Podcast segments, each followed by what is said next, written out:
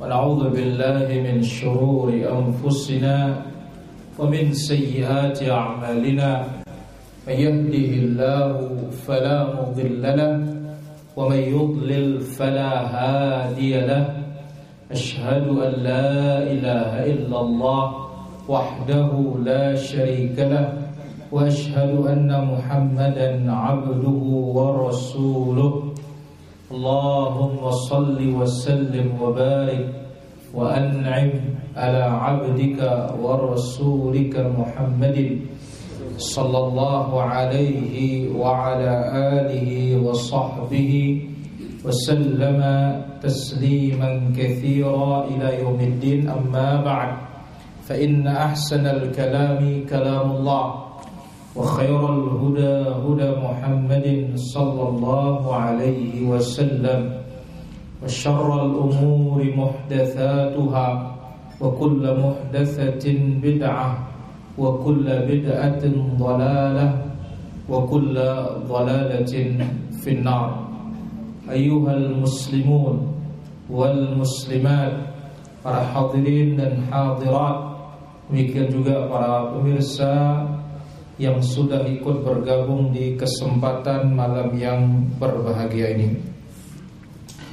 Salawat dan salam tidak lupa kita sertakan bagi Rasul kita yang mulia. Nabi kita Nabi Muhammad sallallahu alaihi wa ala alihi wa sahbihi wasallam.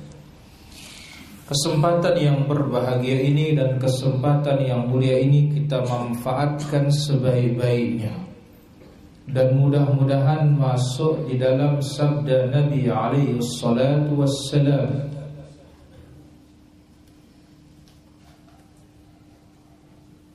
Yaitu apa? Nabi alaihi salatu wassalam katakan disebut oleh sahabat kana sallallahu alaihi wasallam yakrahu an-naum qabla al-isha. Nabi alaihi salatu wassalam membenci tidur sebelum isya. Wal hadith ba'dah. Ngobrol setelah isya namun ada pengecualiannya. Tidak boleh bergadang illa fil ilm. Kecuali dalam masalah ilm. Ilm.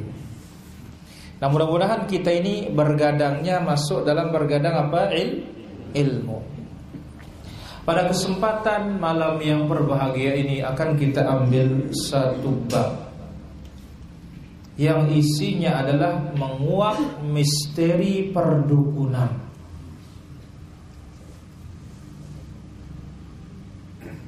Yang disebut oleh musannif rahimahullah taala babu ma jaa fil kuhan wa nahwihi yaitu bab ini menerangkan tentang perdukunan itu bagaimana. Kita akan kuat dan kita akan bongkar apa hakikat di balik misteri perdukunan dalam pandangan Islam.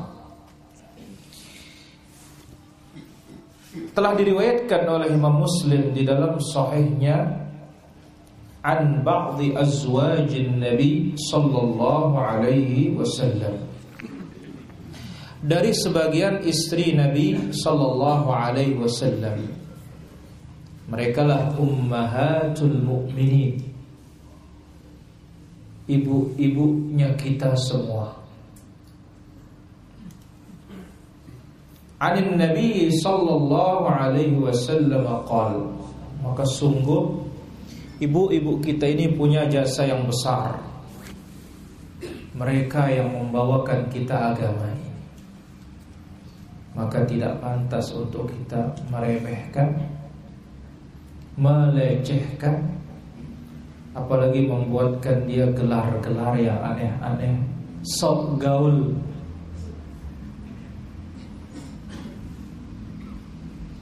Jadi orang akan senang dengan agama ini bukan dengan cara kita meremehkan bagian dari Islam kita.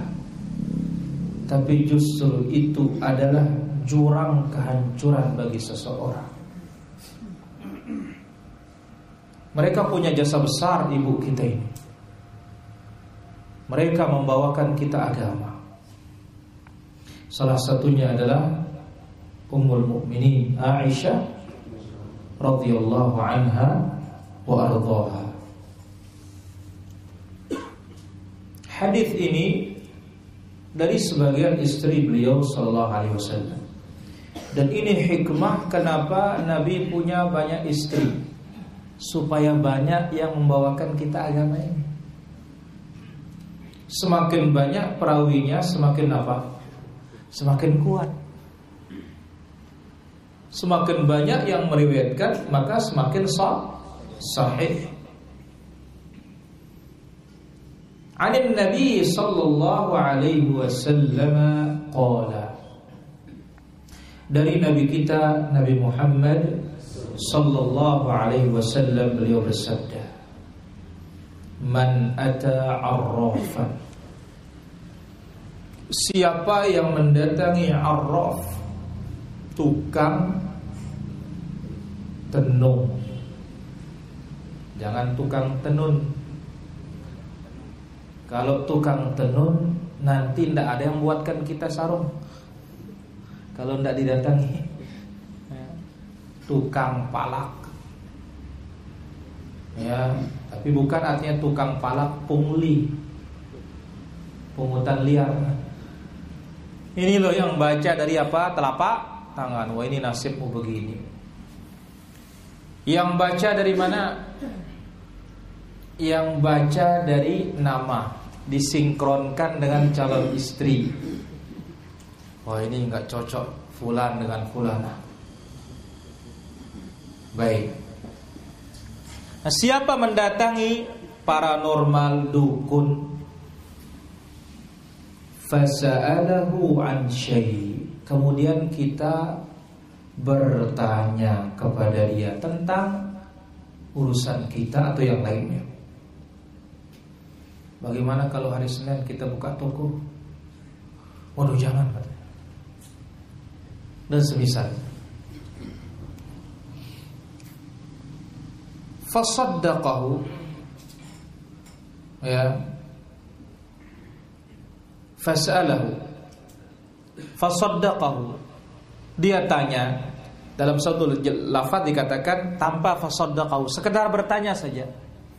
Maka apa? Lam tuqbal lahu salatun arba'ina yawma Allah tidak menerima salatnya 40 hari 40 malam Kalau bahasanya orang sasah Cari hitung-hitungan katanya Ya Nah kita ini kadang berbuat apa? Pergi enggak, pergi enggak, pergi enggak, pergi enggak, pergi enggak, sampai sama ini jemaah. Nah boleh. Satu dalil. Dalil yang kedua. Nabi Hurairah radhiyallahu an dari sahabat yang mulia Abu Hurairah radhiyallahu an Anin Nabi sallallahu alaihi wasallam dari Nabi kita Nabi Muhammad sallallahu alaihi wasallam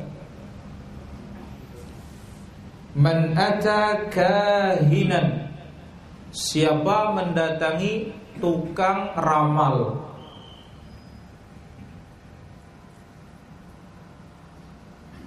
Fasaddaqahu bima yaqul. Setelah didatangi percaya percaya. Mempercayai perkataannya. Faqad kafara bima unzila ala Muhammadin sallallahu alaihi wasallam. Maka dia telah kafir kepada apa yang diturunkan oleh Allah bagi nabi kita Nabi Muhammad sallallahu alaihi wasallam. Baik Al-Musannif rahimahullah taala dalam bab ini membawakan beberapa masalah penting. Dari sini akan terkuak sekarang, akan tersibak, akan nyata apa dibalik perdukungan-perdukunan ini. Bagaimana pandangan syariat Islam ditinjau dari sisi perkara aqid, aqidah Islamiyah. Ada beberapa masalah yang perlu kita bahas. Yang pertama, apa ini maksud dengan kuhan, kahin? Dan apa hubungannya dengan kitab tauhid? Al-kuhan adalah huwallazi yad'i ilmul mughayyabat. Yang namanya kuhan itu yang mengaku dirinya tahu yang gaib. Dikatakan punya indera keberapa? Indera keenam.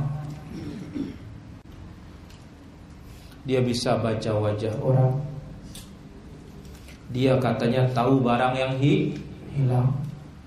Bahkan dia akan tahu nomor togel yang akan naik nanti berapa ekornya. Dia akan tahu siapa yang naik pangkat, siapa yang turun pangkat. Ya, dia akan tahu calon mana yang naik, calon mana yang enggak gagal. Ini kan rame nih. Kalau bulan pemilu banyak yang pergi ke dukun untuk dimandikan. Emangnya nggak bisa mandi? Ini kan musibah nih para jemaah. Baik. Itulah dikatakan kahin. Jadi yang mengaku dirinya mengetahui yang enggak gaib. Wa yukhbiru bihan nas dan dia memberitakan orang-orang wa ya'khudhuha min mustariqis sam'i minal jin. Dan itu diambil dari siapa? Jin-jin yang berusaha mencuri wahyu. Yang ada di langit. Yang selalu dilempar tiap hari tiap malam oleh Allah dengan batu meteor itu. Lihat kalau malam-malam terutama dekat laut kelihatan apa meteor meteor jatuh. Itu lagi ngapain? Lagi melempar se setan yang berusaha mencuri wah wahyu tentang apa peristiwa yang akan terjadi di.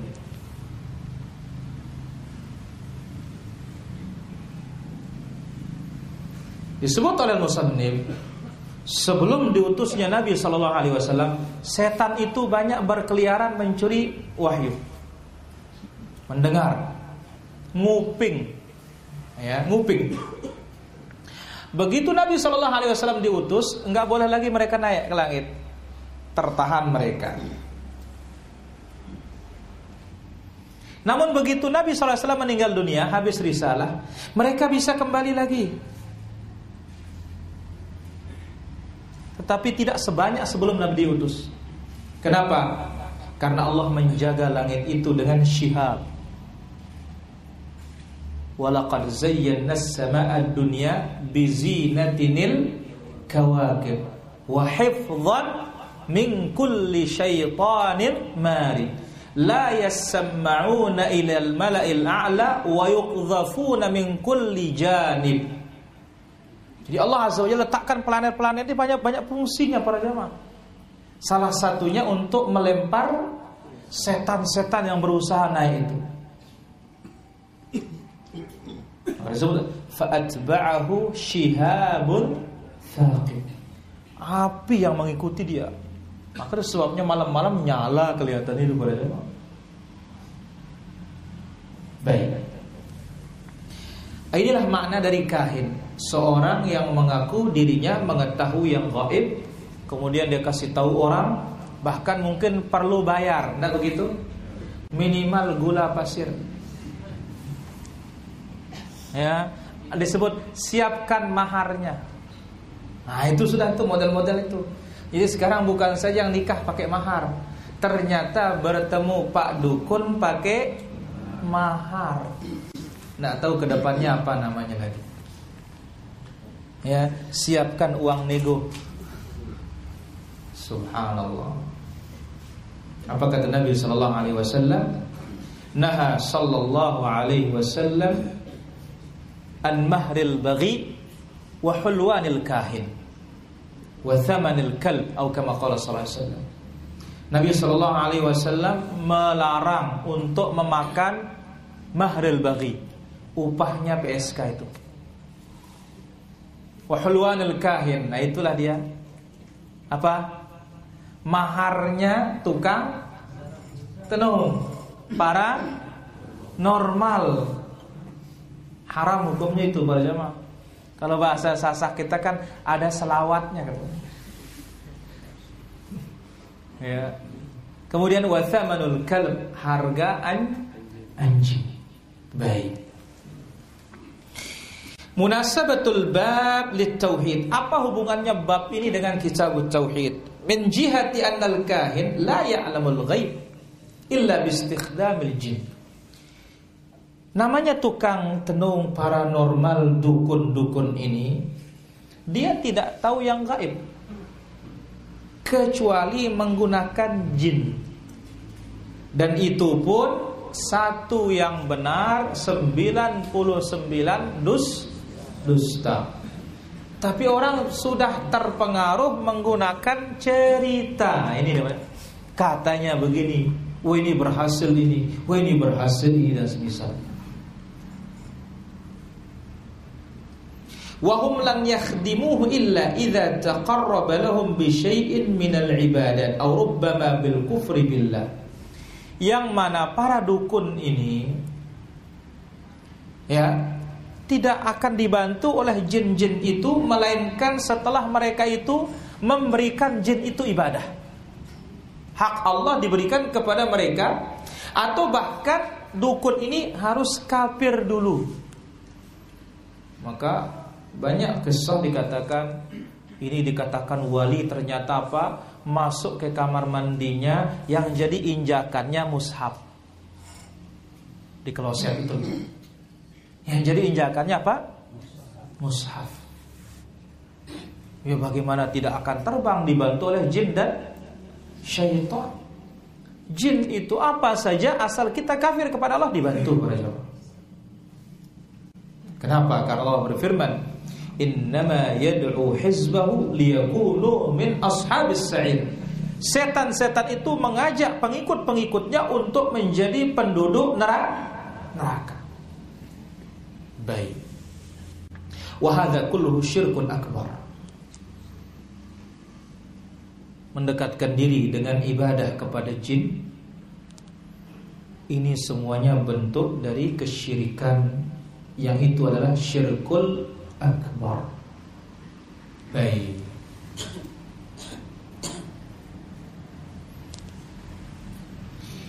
Disebutkan di sini di dalam bab yang tadi ya bagaimana tentang al-kuhan wa nahwihim. Kita ingin menguak tabir yang namanya misteri perdukunan ini. Kenapa? Ingat perdukunan itu ada dua macam. Nah, ini para jamaah.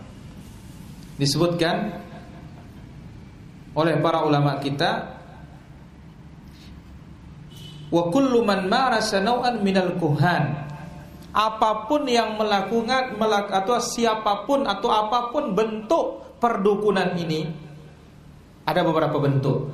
Pertama, mithlu qiraatil finjan awil kaf. Dia ambil air, setelah itu apa? Ditaruhkan bunga dari bunga dari air itu dia melihat, oh ini ke sini malingnya. Dan ini banyak di film-film loh anehnya para jamaah. Dan itu yang laku sama ibu-ibu yang tidak ada kerjaan di rumah, nonton sine sinetron. Senang sekali begini. Hati-hati ini para jamaah tidak terasa kita digiring kepada kesyirik kesyirikan.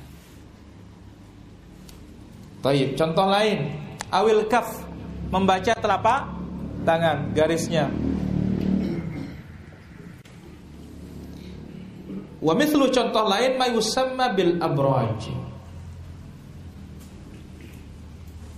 Melihat bintang. Zodiak. Apalagi? Ya, ini bahkan masuk masuk Quran ini. Ya, Scorpio dan yang lainnya dibaca arahnya, posisinya, ini akan terjadi, masuk di dalamnya. Dan yang lainnya. Ini semuanya adalah fitnah-fitnah dari syaitan yang membisiki manusia-manusia ini. Maka cocok Allah Azza wa Jalla sebutkan wa annahu kana rijalun minal insi ya'udzuna birijalin minal jinni fazaduhum rahaqa. Ada sekelompok laki-laki manusia minta perlindungan kepada sekelompok laki-laki dari jin. Baik. Itu masalah yang pertama, makna dari al-kahanah. Masalah yang kedua, Al-Musannif rahimahullah taala membawakan dalil di sini. Dalil yang pertama sudah kita sebutkan Siapa mendatangi dukun Yang mengaku dirinya mengetahui yang gaib Tahu tempat barang yang hilang Tahu apa masalah kita Bahkan tahu penyakit hanya lewat foto Ada ini? Hanya lewat foto Nanti dikontak Foto itu Pindah langsung penyakitnya ke mana? Ke kambing katanya Subhanallah. Maka Nabi Shallallahu Alaihi Wasallam mengatakan siapa yang mendatangi mereka dan bertanya, maka apa? Pertama, sholatnya 40 hari 40 malam tidak diterima. Kalau kita mati mengerikan. Hadis yang kedua, siapa mendatangi tukang tenung, paranormal, dukun, tukang palak, percaya setelah bertanya kafir kepada apa yang Allah turunkan kepada Nabi Muhammad sallallahu alaihi wasallam.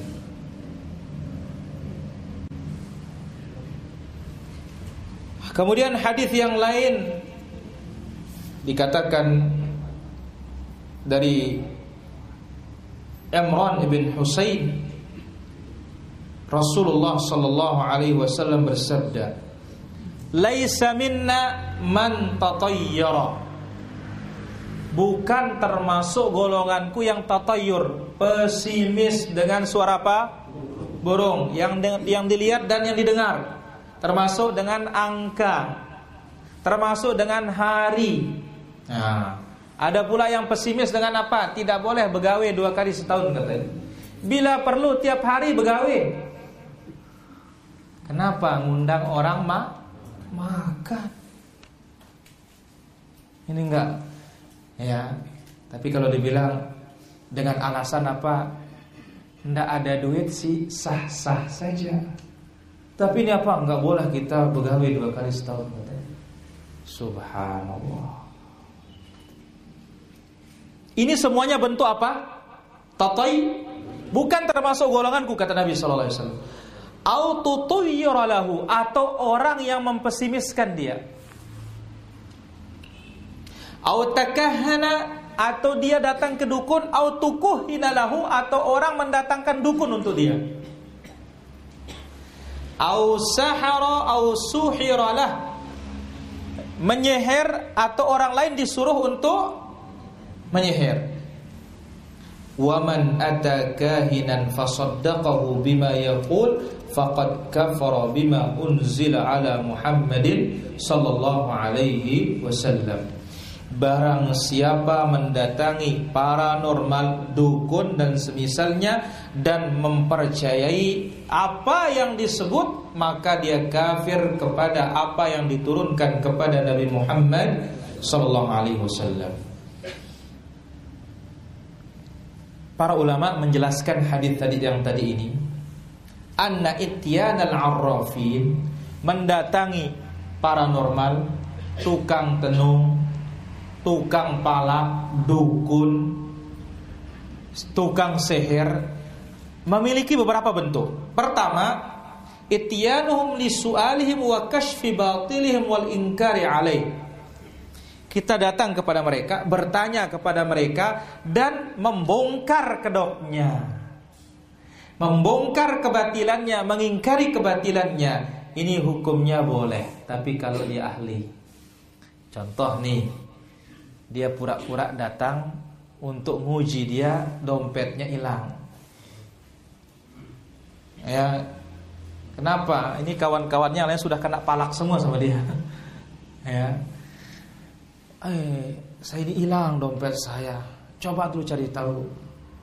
Setelah disebut-sebut ya lekak. Ini dompet saya. Nah, ini saksikan nih jangan percaya sama dia semua. Maka yang seperti ini kalau dia ahli tidak ada masalah.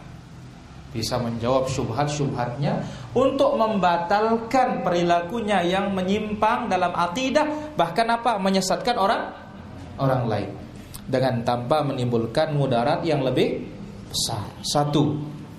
Yang kedua, mujarradu ityanihim wa su'alihim biduni hadzal qas. Sekedar datang bertanya tidak tujuannya mengingkari, membatalkan kebatilannya, fal wa'id maka ancamannya 40 hari 40 malam sholatnya tidak diterima. Ah, nak percaya asal tahu-tahu saja. Awas ini. Bagaimana kalau saya tukang antar saja jubir juru bicara sama kena juga. Bahkan sampai Syekh Saleh Al-Syekh Hafizahullah mengatakan apa? Hatta di TV kalau kita tonton acaranya kena kita juga. Hati-hati para jamaah. Kenapa? Karena antum yang datangkan TV. Karena antum. Yang ketiga, an yas'alahum wa yusaddiquhum. Tanya kepada mereka dan percaya percaya. Maka apa dia kafir kepada apa yang diturunkan kepada Nabi Muhammad sallallahu alaihi wasallam. Kenapa? Karena kita membantu tukang tenung ini, tukang palak, tukang dukun ini untuk berbuat syirik kepada Allah Subhanahu wa taala. Dan kita mempercayai kalau dia itu tahu yang gaib. Nah, ini ini ahli gaib ini. Ahli gaib katanya bayangkan. Oh dia ini punya kekuatan gak? Gaib. Hati-hati nih para jamaah. Aqidah al-Islam Qul la ya'lamu man fis samawati wal ardil ghaiba illallah. Katakan ya Muhammad tidak ada yang tahu yang gaib di langit maupun di bumi kecuali siapa? Allah Azza wa Jalla. Manusia nggak tahu apa-apa. Bayangkan Nabi Muhammad saja nggak tahu dirinya akan kalah waktu perang Uhud. Luka, patah giginya, Andai kata Nabi tahu kan, oh, nanti usah perang, kalah kita ini. Tapi ternyata memang benar-benar Nabi tidak tahu yang enggak, yang gaib. Nah, kalau Nabi saja tidak tahu utusan Allah, kok kita yang tahu? Baik. Cuma permasalahannya yang seperti tadi percaya ini kafir besar apa kafir kecil? Pendapat yang pertama ini kafir besar. Pendapat yang kedua mengatakan ini kafir kafir kecil. Namun kita katakan para hadirin rahmat Allah Subhanahu wa taala dia mau kafir besar, kafir kecil ini jelas adalah perusak akidah. Dia kafir kecil, dosanya lebih besar dari dosa besar. Apalagi kalau kafir akbar bisa mengeluarkan orang dari apa? Islam. Masalah yang ketiga. Al-Musannif rahimahullahu taala membawakan ucapan Ibnu Abbas. Apa ucapan Ibnu Abbas disebutkan di sini? Wa qala Ibnu Abbas fi qaumin yaktubuna abjad wa yanzuruna fin nujum. Dia nulis abjad ya abjad abjad hawas hutti kalimun syi'fis jadi per kalimat itu atau per kata itu diartikan alif sekian maknanya ba sekian maknanya setelah itu dia cocokkan dengan bintang di langit Nah, seperti kita sekarang, nama dicocokkan dengan apa nak? Nama. Kelahiran dicocokkan dengan bu bulan dan semisalnya. Apa kata Ibnu Abbas tentang hal ini? Ma ara man fa'ala dzalika lahu indallahi min khalaq. Orang-orang seperti itu kelak pada hari kiamat dia tidak mendapatkan bagian sama sekali. Maka dikatakan dzamma man yasna'u hadza. Dicela orang-orang yang belajar seperti ini, yaitu mempelajari huruf abjadiyah kemudian berdalil dengan setiap huruf tentang perkara-perkara gaib. Diartikan setiap setiap nama itu. Mim ini maknanya. Ha ini maknanya. Ya, Mim ini maknanya, dal ini maknanya, alif ini maknanya, lam ini maknanya dan selanjutnya. Dengan itu dia berdalil akan kejadian begini, kejadian begini. Wah namamu ini tidak cocok dengan istrimu, tidak usah nikah. Kenapa? Ini saya kali-kalikan tidak cocok katanya. Subhanallah. Dan ini ternyata ada di zaman dahulu para hadirin rahmat Allah Subhanahu wa taala. Apa yang ada di bumi dicocokkan dengan yang di langit, dengan itu dia meramal. Arah bintang begini akan terjadi begini, arah bulan begini akan terjadi begini. Maka ini terjadi sejak zaman dahulu dan ini bentuk dari bentuk iddia ilmu ghaib mengaku diri mengetahui yang gaib dengan tanda-tanda yang tidak pernah diletakkan oleh Allah Subhanahu wa taala. Wa khulasatul bab, ringkasannya dari bab ini apa? Annal kahanata muharramatun bi jami'i suwariha. Perdukunan ini ya mengaku dirinya mengetahui yang gaib dengan segala macam bentuknya haram wa annahu yulhaqu biha kullu wasilatin yad'i fiha sahibuha ma'rifata syai'in min ilmil ghaib. Termasuk di dalamnya berbagai macam bentuk sarana. Dengan sarana itu dia mengatakan dirinya tahu yang enggak yang gaib karena ingat para hadirin yang namanya ilmu gaib itu hanya khususiat siapa? Allah azza wa jalla wa indahu mafatihul ghaibi la ya'lamuha illahu. Di sisi Allah Subhanahu wa taala kunci gaib tidak ada yang tahu kecuali Allah Subhanahu wa taala. Maka para hadirin rahmat Allah Azza wa Jalla Urusan gaib Makhluk harus putus asa Bayangkan di akhir suratul jin Allah Azza wa Jalla mengatakan alimul ghaib fala yudhiru ala ghaibihi il ya fala yudhiru ala ghaibihi ahada. Hanya Allah Azza wa Jalla mengetahui perkara gaib. Ingat yang namanya gaib itu adalah tidak bisa dilihat, tidak bisa dicium, tidak bisa disentuh, tidak bisa dideng dengar, Pokoknya dari indera yang lima ini tidak bisa ya, maka itu dikatakan perkara apa? Ghaib. Maghaba anil ayun yang jauh dari pandangan mata itu dikatakan apa? Ghaib. Apa kata Allah? Alimul ghaibi fala yuzhiru ala ghaibihi ahada. Hanya Allah Azza wa Jalla mengetahui yang gaib tidak dinampakkan kepada siapa pun illa man rasul kecuali para rasul yang diridhai. Ingat, itu kaitannya dengan apa saja yang diinginkan oleh Allah. Tidak semua gaib diketahui oleh para na para nabi. Tidak semua gaib diketahui oleh para para rasul. Yang kaitannya hanya apa yang dikehendaki oleh Allah. Mungkin perkara kiamat.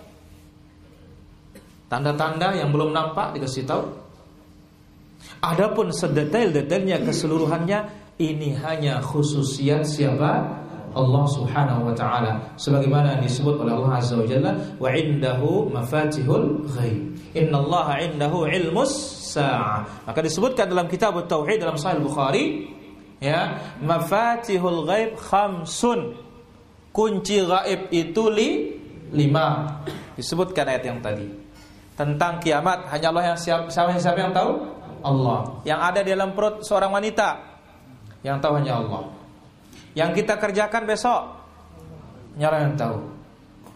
Turun hujan hanya Allah yang tahu. Di mana kita mati hanya Allah Azza wa Jalla yang tahu. Hadirin rahmat Allah Azza wa Jalla.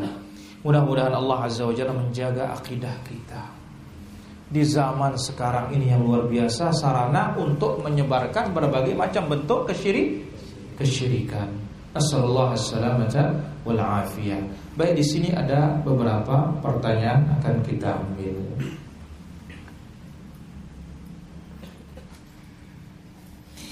Apakah setiap setan dilempar oleh malaikat Apakah mengenai langsung ke setan tersebut Atau selamat Apa manfaatnya Dia selamat atau enggak Yang jelas Allah Azza wa Jalla yang melem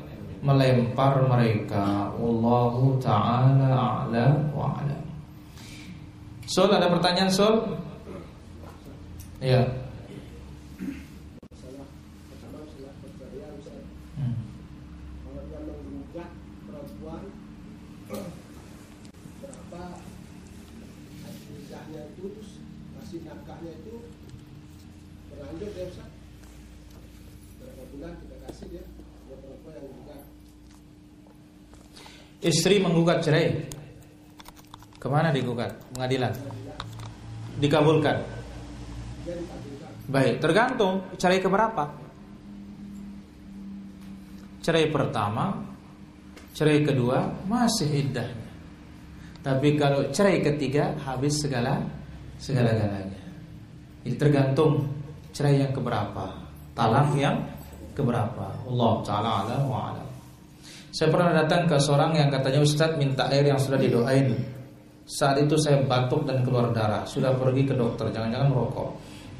Katanya dokter semuanya baik Tidak ada penyakit. Setelah beberapa tahun kemudian ternyata saya baru tahu Kalau dia semacam dukun Karena memberikan kain Gasper dan selayar Dan tulisan Arabnya kepada sepupu saya Menyuruh memakai itu setiap mau tidur.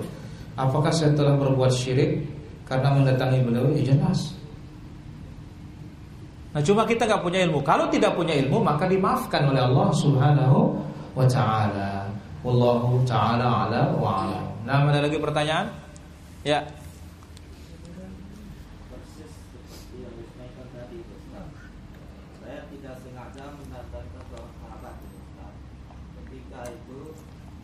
dia menceritakan siapa yang akan menjadikan presiden dan pasangan sekarang. Nah, terus baru kemudian dia bilang Pak Jokowi sama KGB. Lalu saya tanya, dari mana Bapak tahu? Yang pertama, itu dia ambil namanya dari Asmaul Husna. Jokowi sama KGB. Dari mana Jokowi itu? Yaitu Jokowi, ya Majid. Kebetulan TGB ini kan dari Majid ini. Jadi dari sana Lalu kemudian saya juga langsung menanyakan.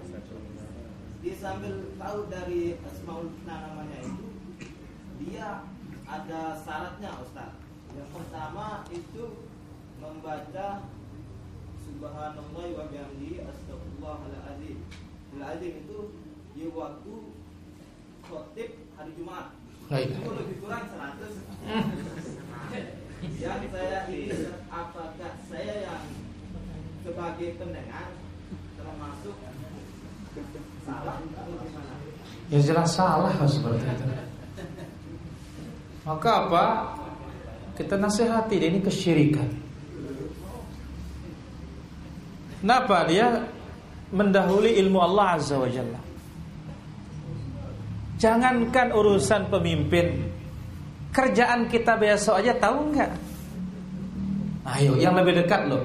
Tidak usah ngurus orang Maka ini sudah melampaui batasannya sebagai manusia Nah kita wajib nasihati dia dan tinggalkan Hadza Allah taala alam wa. Nah, silakan ada lagi pertanyaan? Ya. Puan. apakah yang saya lihat saja atau memang umumnya orang Ustaz anak-anak dukun kebanyakan sering tidak tidak beruntung atau tidak bahagia dalam kehidupannya. Apa ada hubungannya dengan kerjaan orang tuanya? Jelas ada. Kenapa dia bil haram? Ya dibesarkan dari yang ha haram. Mau tidak mau akan ada pengaruh. Sebagaimana kesalehan orang tua ada pengaruh kepada kesalehan anak. Loh, bagaimana dengan ayat wala taziru waziratun wizra ukhra?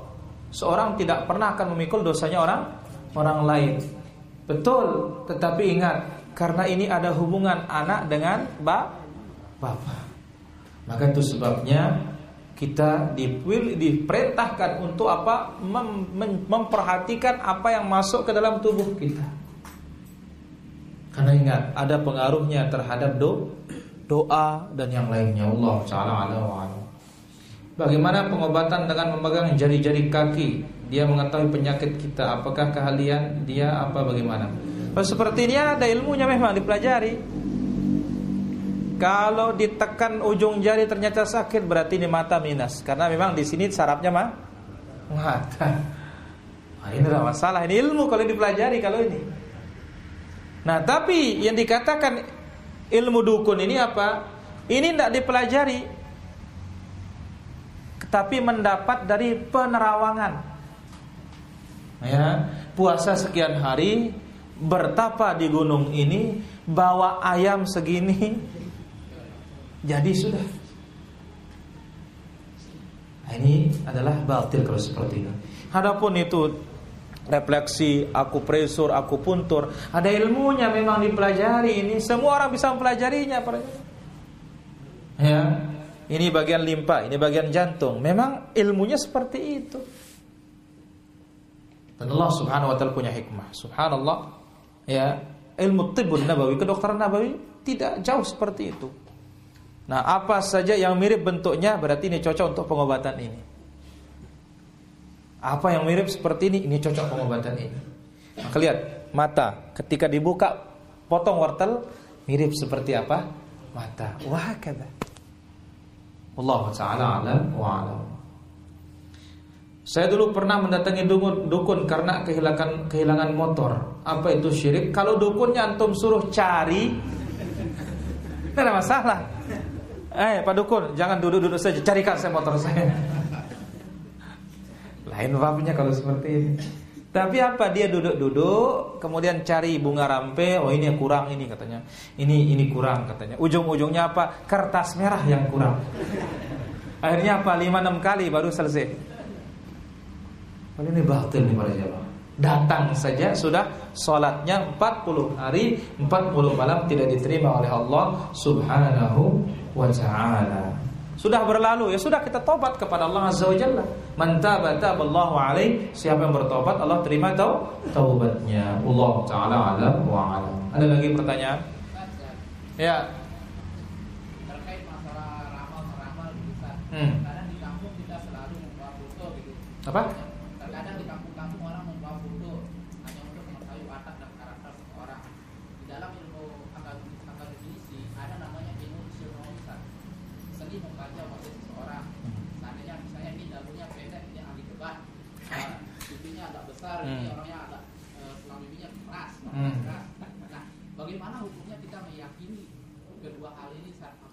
Baik. Pertama kita katakan kalau dari penelitian ada kesimpulan lain babnya. Tapi itu pun bisa benarnya sekian persen, salahnya juga ada. Hal itu adalah sesuatu ilmu, tidak ada masalah itu. Ya, kalau seperti ini modelnya ini ini ini dia. Setelah apa? Setelah peneli penelitian. Ya, berarti apa? Ini namanya dibangun atas dasar il ilmu. Tapi ini nggak ada hubungannya. Dia tidak tahu rupa sapinya. Dia bilang, oh begini. Ini dia ngarang-ngarang itu. Jelas ngarang-ngarangnya. Lo dari mana bapak tahu kan bapak tidak pernah lihat sapi saya. Saya di Aimal, bapak di Mataram. Itu katanya korin saya. Oh, berarti apa? Jin sudah kalau seperti ini. Maka kita katakan para hadirin rahmat Allah azza wa jalla. Di bangsa Arab ada namanya ilmu qafiyah. Apa arti ilmu qafiyah? Dia akan tahu anaknya si fulan membaca atau melihat dari bentuk. Oh ini kabilah ini tahu dia. Kenapa? Karena apa? Kabilah ini memang bentuknya seperti ini. Tahu dia. Oh fulan anaknya si fulan. Ini namanya ilmu qafiyah. Dan yang seperti ini di kalangan Arab namanya mauhibah dari Allah Azza wa Jalla. Memang pemberian tidak semua kabilah punya. Maka ini bukan bagian dari yang terlarang. terlarang. Nah, sekarang seperti tadi memang dibangun atas dasar apa? Penelitian. Namun kembali 100%-nya hanya siapa? Kalau bisa dia benar, bisa dia salah. Ya. Contoh Umar bin Khattab radhiyallahu anhu datang seorang Dari mana kamu katanya? Dari Jamrah. Jamrah bahasa Arab artinya bara api. Ibn Fulan, Ibn Fulan semuanya mengarah ke api. Oh, kalau begitu apa? Rumahmu terbakar sudah katanya. Makanya seperti ini ya. Lain babnya para hadirin rahmat Allah Subhanahu wa taala. Allah taala ala wa ala. Nah, ada lagi pertanyaan? Ya. Bila seorang wanita yang lagi hamil, Hmm. kalau keadaannya dia berhias atau cantik, diharapkan anaknya itu akan perempuan. Hmm. Begitu juga sebaliknya kalau yang hamil ini Kotor-kotor? tidak anaknya laki-laki. Allahu a'lam. Nah, ini tidak tahu saya ini. ya. Jangan-jangan nanti berhias anaknya laki-laki juga. Maka apa? Harus ada ilmi ilmiahnya. Tapi kalau katanya katanya hati-hati nanti bisa syirik gitu ya. Kalau ada ilmiahnya ya, persentasenya pun sekian, ada babnya lain para jamaah. Ini dibangun atas dasar il, ilmu dan ini disebut oleh Imam Ibnu Al-Qayyim rahimahullahu taala, ini namanya al-qara'in, indikator indi indikator. Ya, Allah taala ala wa alam. Bagaimana cara mudah untuk mengobati sakit hati? Ini kembali kepada Al-Qur'an was sunnah. Karena salah satu doa Nabi sallallahu alaihi wasallam waj'al waj'alil qur'ana rabi'a qalbi. Jadikanlah Al-Qur'an itu adalah sebagai penyejuk hati hatiku. Allahu taala a'la wa a'lam. Baik, saya kira demikian kajian kita pada kesempatan malam ini para hadirin. Mudah-mudahan apa yang kita ambil bermanfaat. Wal ilmu indallah wa sallallahu wasallam wa barak ala abdika wa rasulika Muhammad wa ala alihi wa sahbihi ajma'in wa akhiru da'wana alhamdulillahi rabbil alamin. Wassalamu alaikum warahmatullahi wabarakatuh.